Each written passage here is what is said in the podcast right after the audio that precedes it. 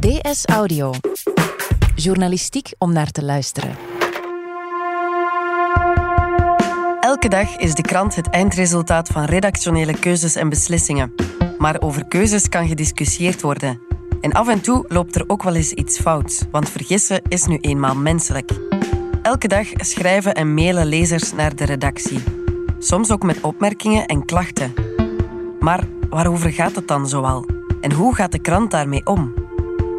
Het is woensdag 8 januari. Mijn naam is Lise Bonduel en van op de redactie van De Standaard is dit DS Audio.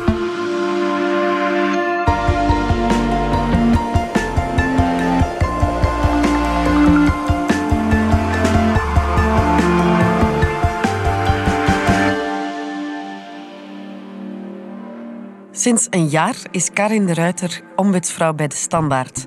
Als lezers vallen over iets dat in de krant staat, behandelt zij hun klachten. Vandaag spreek ik met haar over haar eerste jaar als ombudsvrouw. Karin de Ruiter, wat doet een ombudsvrouw of man bij een krant? Waarom is dat nodig? Essentieel beantwoord ik, zoals je zelf al zei, vragen, klachten, opmerkingen van lezers, maar dan specifiek in verband met de redactionele inhoud van de krant. En je zou kunnen zeggen dat ik de redactie eigenlijk een spiegel voorhoud. En contact met de lezer eigenlijk bevorder, hoop ik. Waarom de krant dat doet, is omdat ze transparant wil zijn. Dat is de reden waarom de hoofdredactie beslist heeft om de functie eh, in te voeren. De redactie is vaak heel streng voor mensen over wie ze schrijft. Ze neemt graag de maat van hè, politici, van ondernemers, van kunstenaars, van academici. En dan moet ze natuurlijk ook zelf wel transparant zijn en af en toe eens een inkijk geven in de eigen keuken. Mm. En dat probeer ik vooral ook te doen in mijn column. Ik probeer dus niet alleen aan te geven wat er volgens mij al dan niet redactioneel mis was met een artikel of wat een verkeerde gewoonte soms is in de krant. Uh, maar ik probeer aan de lezers ook heel erg uit te leggen hoe het komt dat sommige fouten gemaakt worden. Want uh, je merkt soms dat mensen al heel snel roepen van uh, fake news, fake news, als er gewoon een, een, een fout in de krant staat. Een verkeerde datum, een, een verkeerde naam, wat, wat soms heel erge gevolgen kan hebben. En ja, fouten worden niet opzettelijk gemaakt. En ik zeg, soms er per ongeluk bij, meestal. Maar ik denk eigenlijk dat fouten worden nooit opzettelijk gemaakt. Of om mensen te misleiden. En dus om uit te leggen hoe het kan gebeuren in een, een grote organisatie, zoals de Standaard toch eigenlijk wel is, de redactie van de Standaard. Hoe het kan dat er toch nog soms echt wel kemels geschoten worden. Ja. En uh, werk jij dan onafhankelijk? Ja, ik heb een, een, een heel grote mate van vrijheid in, in wat ik doe, de thema's die ik oppik van lezers. Maar soms zie ik zelf ook wel zaken in de krant die ik dan wil aankaarten. Mhm. Of bijvoorbeeld in sommige gevallen uh, heb ik een, een, een soort evaluatie gemaakt van hoe hebben we nu een bepaald onderwerp dat heel erg in de actualiteit staat, hoe, hoe, hebben we dat nu gedaan? Hebben we dat nu goed gedaan? Hebben we dat slecht gedaan? Dus verkiezingsverslaggeving bijvoorbeeld. Dus heel de aanloop naar de verkiezingen. Maar ik denk bijvoorbeeld ook aan iets zoals uh, de moord op Julie van Espen. Mm Wat een heel gevoelig en delicaat onderwerp is. En, en waarvan je dan kan zeggen, hebben we dat nu goed gedaan? Of hebben we daar te veel aandacht aan gegeven of te weinig? Uh, en zo verder. Ik vermoed dat de hoofdredactie niet altijd heel blij is met wat ik schrijf. Want uiteindelijk, het is elke keer als je een fout uh, aankaart. En, en zoals ik zeg, soms zijn het echt wel kemels. Ja. Ja, dan staat de krant een beetje met de billen bloot. De hoofdredacteur krijgt mijn columns wel te lezen voor ze verschijnen. Ja. En hij kan daar opmerkingen over maken. Uh, wat hij bijna nooit doet. En als hij het doet, is het over iets feitelijks. Van, uh, dat, er, dat er een fout staat. Ja, ik ben ook niet onfeilbaar. maar hij, hij kan mij dus niet, niet bijsturen. Ik hoef daar ook geen rekening mee te houden als ik het niet eens ben met wat hij schrijft. En, uh, en dat is natuurlijk, ja, dat is uh, delicaat. Nu, in het alleruiterste geval kan hij weigeren om een column te publiceren. Maar dan hmm. denk ik dat we een heel groot conflict hebben. Ja. En, Ehm, zijn er nog kranten die een ombudsman of vrouw hebben? Nee. Uh, enfin, het is te zeggen, in Vlaanderen niet. Uh, ik denk zelfs in heel België niet. Uh, okay. Het is een eenzaam beroep. Bij de VRT is er wel een nieuwsombudsman. Ja? Dus iemand die ombudsman is voor al de nieuwsprogramma's en dat is Tim Powels. En internationaal zijn er wel uh, meer vooral in de Scandinavische landen. In Nederland zijn er wel een aantal collega's, maar het blijft een vrij beperkte groep mensen. Um, in de Anglo-Saxische landen uh, zijn er ook wel ombudsmensen actief, maar bijvoorbeeld in de Verenigde Staten zijn een aantal grote kranten er de voorbije jaren mee gestopt omdat ze vinden dat er uh, genoeg interactie kan zijn nu tussen hun lezers en de redacteurs rechtstreeks via de social media en zo. Mm. Maar het is een beetje een drogreden eigenlijk. Want een journalist gaat natuurlijk zelf altijd zijn eigen werk verdedigen tegenover lezers. Ja. Terwijl ik ook daar onafhankelijk sta. En ik geef heel vaak de lezers wel gelijk, of in grote mate gelijk, of in mindere mate gelijk. Maar ik begrijp heel vaak uh, hun, hun problemen wel. Ja. Ik zeg vaak, ik ben de eerste en de meest kritische lezer van de krant. En uh, ik merk ook dat ik, omdat ik niet meer betrokken ben bij redactievergaderingen en dergelijke, en niet meer weet hoe beslissingen genomen worden, hoe die Ja. tot stand komen, lees ik de krant ook veel meer toch als een buitenstaander. Zelfs dan loop ik hier nog heel vaak rond. Ja, je ziet echt het, het resultaat. Ik zie het resultaat echt. En, en dat blijkt heel vaak als ik dan mensen aanspreek over iets, of soms zijn dat kleine opmerkingetjes. En dan zeggen ze, ja, maar ik bedoelde dat zo niet en ik wilde eigenlijk dat en dat zeggen. En dan zeg ik, ja, maar dat staat er wel niet. En op dat vlak is dat wel eh, iets heel anders om ombudspersoon te zijn dan als redacteur rechtstreeks contact Ja. te hebben met lezers.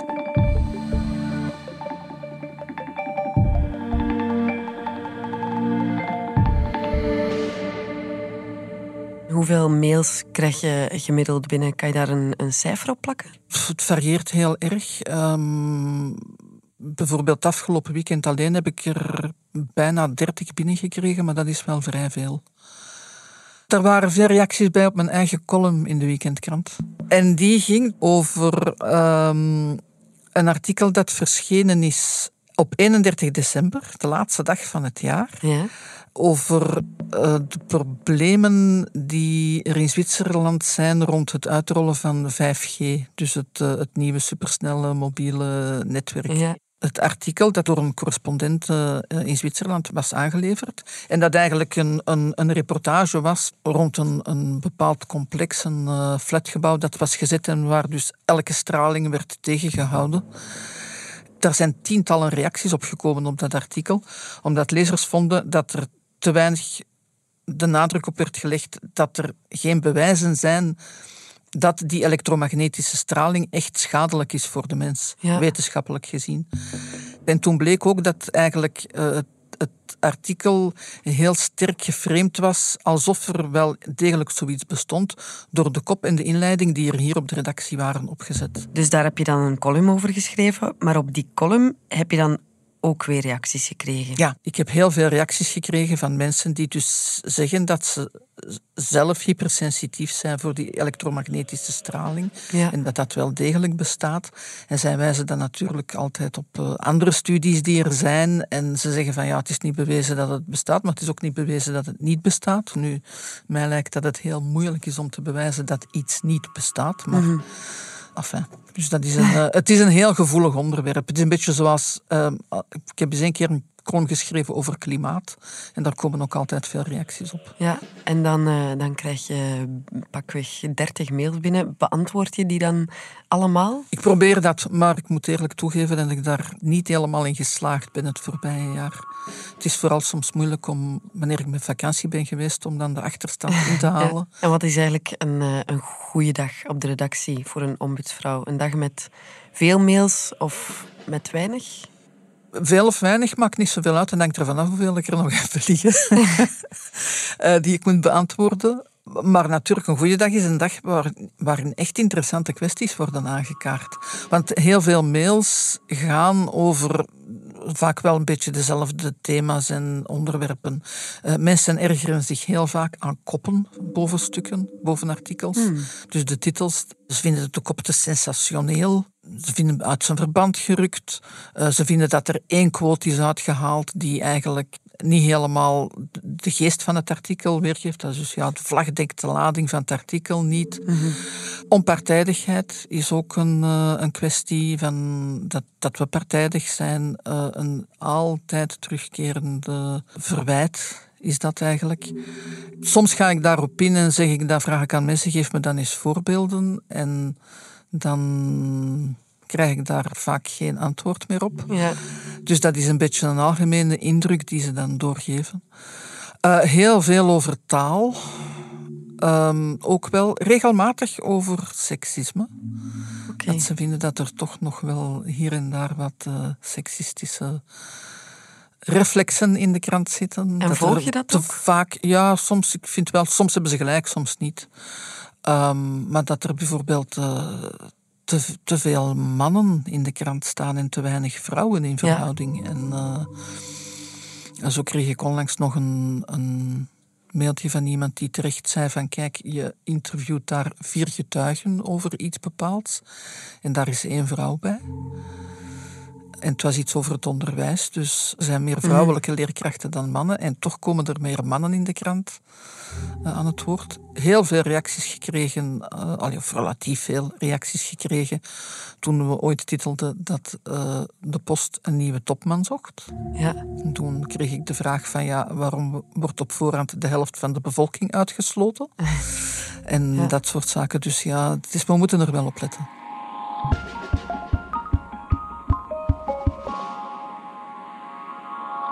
Nu, van iedereen die voor de krant werkt, ben jij misschien wel het meest in contact met de lezers.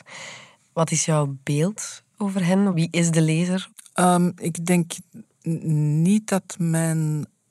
dat wat ik vind in mijn mailbox uh, representatief is voor het volledige lezersbestand mm van de krant bijvoorbeeld, enfin, met de cijfers daarover kennen we de, de sociaal-economische gegevens van onze lezers, van hoeveel mannen, hoeveel vrouwen, qua leeftijd en dergelijke. Wat wel blijkt is, onze lezers zijn niet heel jong, alhoewel nog redelijk meevalt dat soms jonge mensen mij ook wel mailen. Uh, maar wat opvalt is, ik krijg veel meer mails van mannen dan van vrouwen. Mm.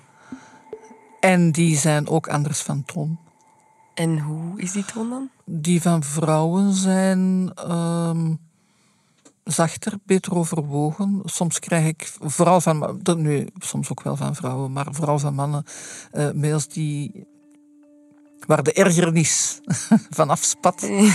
en uh, bij vrouwen is dat toch iets minder. Ja. Ik heb er een paar die, die ik opzij heb gezet, uh, omdat ik ze beledigend vond, ofwel voor mezelf of voor de krant in, of de redactie in het algemeen. Mhm. Als mensen beginnen te schelden, dan stuur ik gewoon een beleefd mailtje om te zeggen dat ik daar niet op antwoord. Mhm.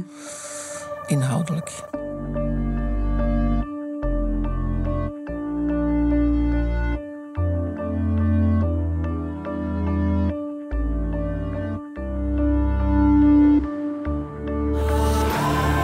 Profiteer bij Renault van saloncondities op al onze modellen. Ah ja? Geniet bijvoorbeeld van 8.300 euro aan voordelen op Renault Kadjar. Mag Tot 31 januari in het hele Renault-net. Zondag inbegrepen. Yes! Aanbod onder voorwaarden. Jouw, uh, jouw rubriek verschijnt één keer per week in de krant. Zijn er weken dat je echt moet zoeken naar onderwerpen? Uh, het gebeurt wel dat er weken zijn dat er geen onderwerp is dat zich echt opdringt waarop ik veel reacties heb gekregen. Of waarvan ik zelf dacht van, aha, dit kan ik nu eens aangrijpen als voorbeeld om dat of dat probleem aan te kaarten. Ja. Um, ik heb wel ergens een lijstje liggen met uh, onderwerpen die een beetje tijdloos zijn. En waarvan je ook ziet dat die terugkomen bij andere ombudsmensen ook. Ik heb soms wel contacten met collega's in het buitenland dus.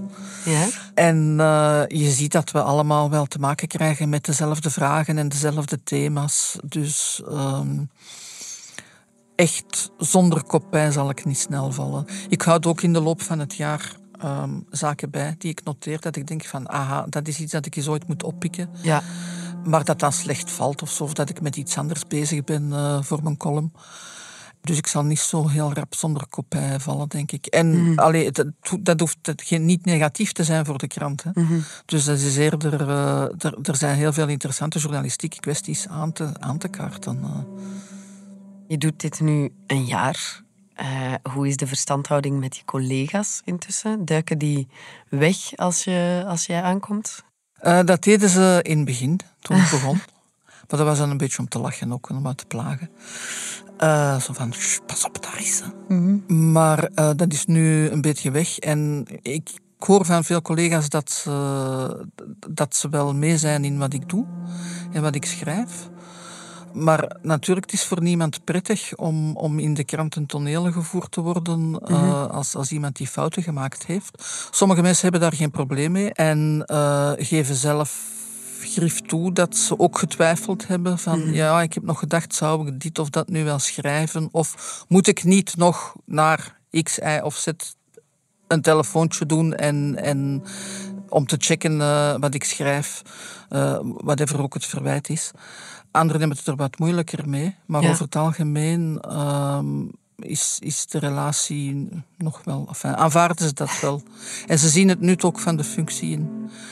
Maar het is dus inderdaad, het is niet alleen, ik zeg het, eh, lonely omdat je weinig collega's hebt bij andere kranten. Het is ook, ze noemen de ombudsfunctie wel eens de loneliest jobs in the newsroom. Dus Ja. ja, je staat wel alleen. Hè. Want je zit natuurlijk in een lastige positie. Hè? Je wijst die journalisten eh, of eindredacteurs constant op hun fouten. Heb je het er zelf soms moeilijk mee? Ja, ik heb, eh, ik heb er toch een paar keer bij wijze van spreken van wakker gelegen. Dat ik vond dat ik misschien wel iets te hard was geweest. Of te weinig empathie misschien had gehad met eh, de journalist in kwestie.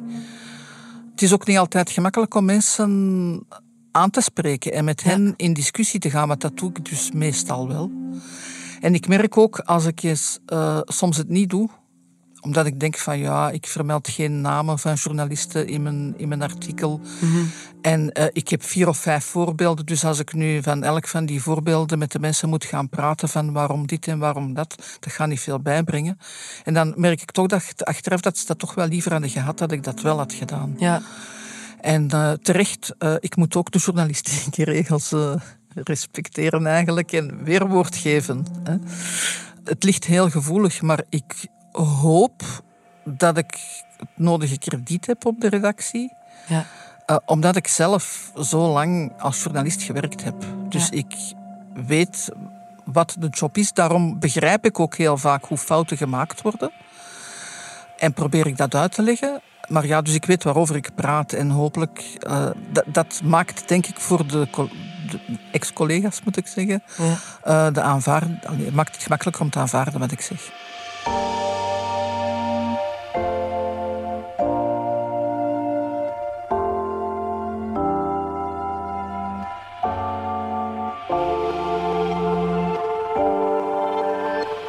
Stel nu dat er een klacht van een lezer binnenkomt. ehm, stap je dan eerst naar de journalist voor je die lezer antwoordt? Ja, ja, ja dat doe ik ook wel. Ja. Ja. Dus eh, eh, sommige zaken niet. Hè. Als het gaat over taal, taal of over. eh, soms weet ik zelf wel wat ik, wat ik daarop moet antwoorden. Ja. Omdat het, eh, ja, zoals ik al zei, soms krijg je wel hetzelfde soort vragen. Maar ja, vaak weet ik het ook niet. Bijvoorbeeld, mensen wijzen op een inhoudelijke fout. Ja, ik ben geen specialist in alles. Hè. Ik ben eigenlijk specialist in heel weinig. Dus dan moet ik wel te raden gaan vragen van waarom en heeft die meneer een punt of die mevrouw een punt. Dus Ja. als ik mijn job goed wil doen, moet ik dat doen. En soms ga ik zelfs, eh, neem ik terug de rol van journalist op en ga ik zelf bellen naar mensen buiten de krant ook, om, eh, of binnen de krant, op andere diensten, eh, om te verifiëren of, of om te vragen hoe iets juist in elkaar zit. Heb je het idee dat de krant iets leert van haar fouten? Ehm, ik hoop het. en ik heb wel gemerkt dat eh, journalisten soms een beetje hardleers zijn. Maar, eh, maar dat gaat dan over details hoor. Maar op sommige zaken denk ik dat ik toch wel heb bijgedragen om de praktijk van de, van de redactie een beetje bij te sturen. Bijvoorbeeld over factchecks heb ik een paar columns geschreven omdat daar veel reacties op kwamen, namelijk dat mensen het niet eens waren. Dus ja, het ging dan vooral over het verschil tussen wanneer is iets eerder wel waar en wanneer is iets eerder niet waar. Waar ligt daar de grens en zo. Maar ook over de koppen boven factchecks en dergelijke uh, kwamen wel veel reacties, omdat mensen die vaak via social media online lezen. Ja. En als er dan, een, dan stond daar de bewering die gefactcheckt werd als kop. En ja, als dat die bewering niet, niet waar is, dan verspreid je eigenlijk wel fake news. Ja. Dus dat is iets dat nu intussen wel waar, waar veel meer aandacht voor is. Er zijn regels gemaakt om de factchecks beter te maken. Ja. Maar dat doe ik dus niet. Dat, dat zijn andere mensen die zich daarmee bezighouden. Kan je een voorbeeld geven van op welk vlak dat de krant nog niet heeft geleerd uit haar fouten? Um, zo zou ik het niet willen formuleren. Het is eerder aandachtspunten die er wel zijn en uh, zaken die terugkomen. Um, ik denk de communicatie intern. Ja. Kijk, een journalist kan een fout maken. Mm -hmm. uh, en als het dan soms is een, echt wel een kemel is, dat je zegt van hoe kan dat nu dat dat in de krant is geraakt? Ja, Mhm. dan is de vraag inderdaad, hoe kan het dat een evidente fout toch nog in de krant geraakt? Want dat wordt nagelezen door vaak de chef van de afdeling Ja. of, of een collega van de afdeling. Dat wordt nagelezen door een eindredacteur. Dat wordt bekeken door een nieuwsmanager. Ehm, en, en hoe kan het dat dat dan toch nog gebeurt? En dat heeft heel vaak te maken met gebrekkige communicatie intern, denk ik. Ja. Of helaas ook de grote werkdruk. Maar ehm, daar zit hem vaak het probleem, denk ik. En Ja. organisatorisch ook. Eh, dat ga je nooit kunnen vermijden, dat we ploegen mensen die elkaar afwisselen. Ja, er wordt iets niet doorgezegd en, en iemand kent de achtergrond niet van een bepaald artikel en dan gebeuren er fouten. Dat is, eh, dat is bijna onvermijdelijk, denk ik. Ja.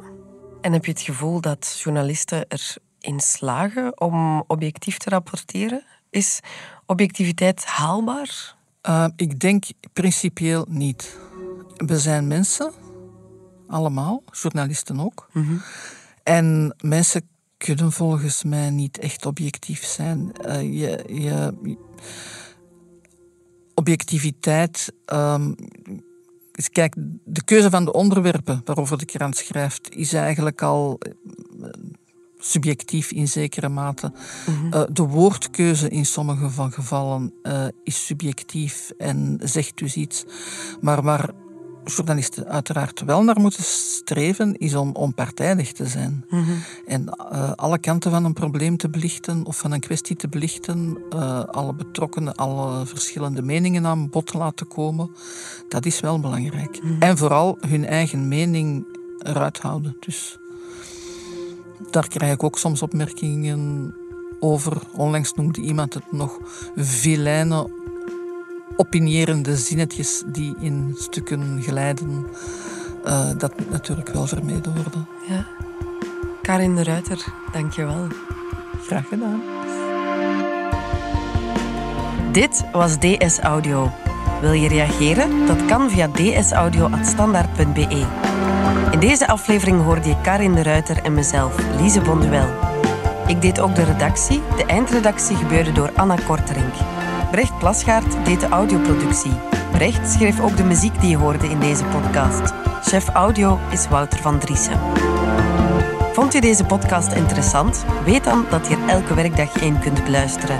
Dat kan via de DS Nieuws app of via standaard.be-audio.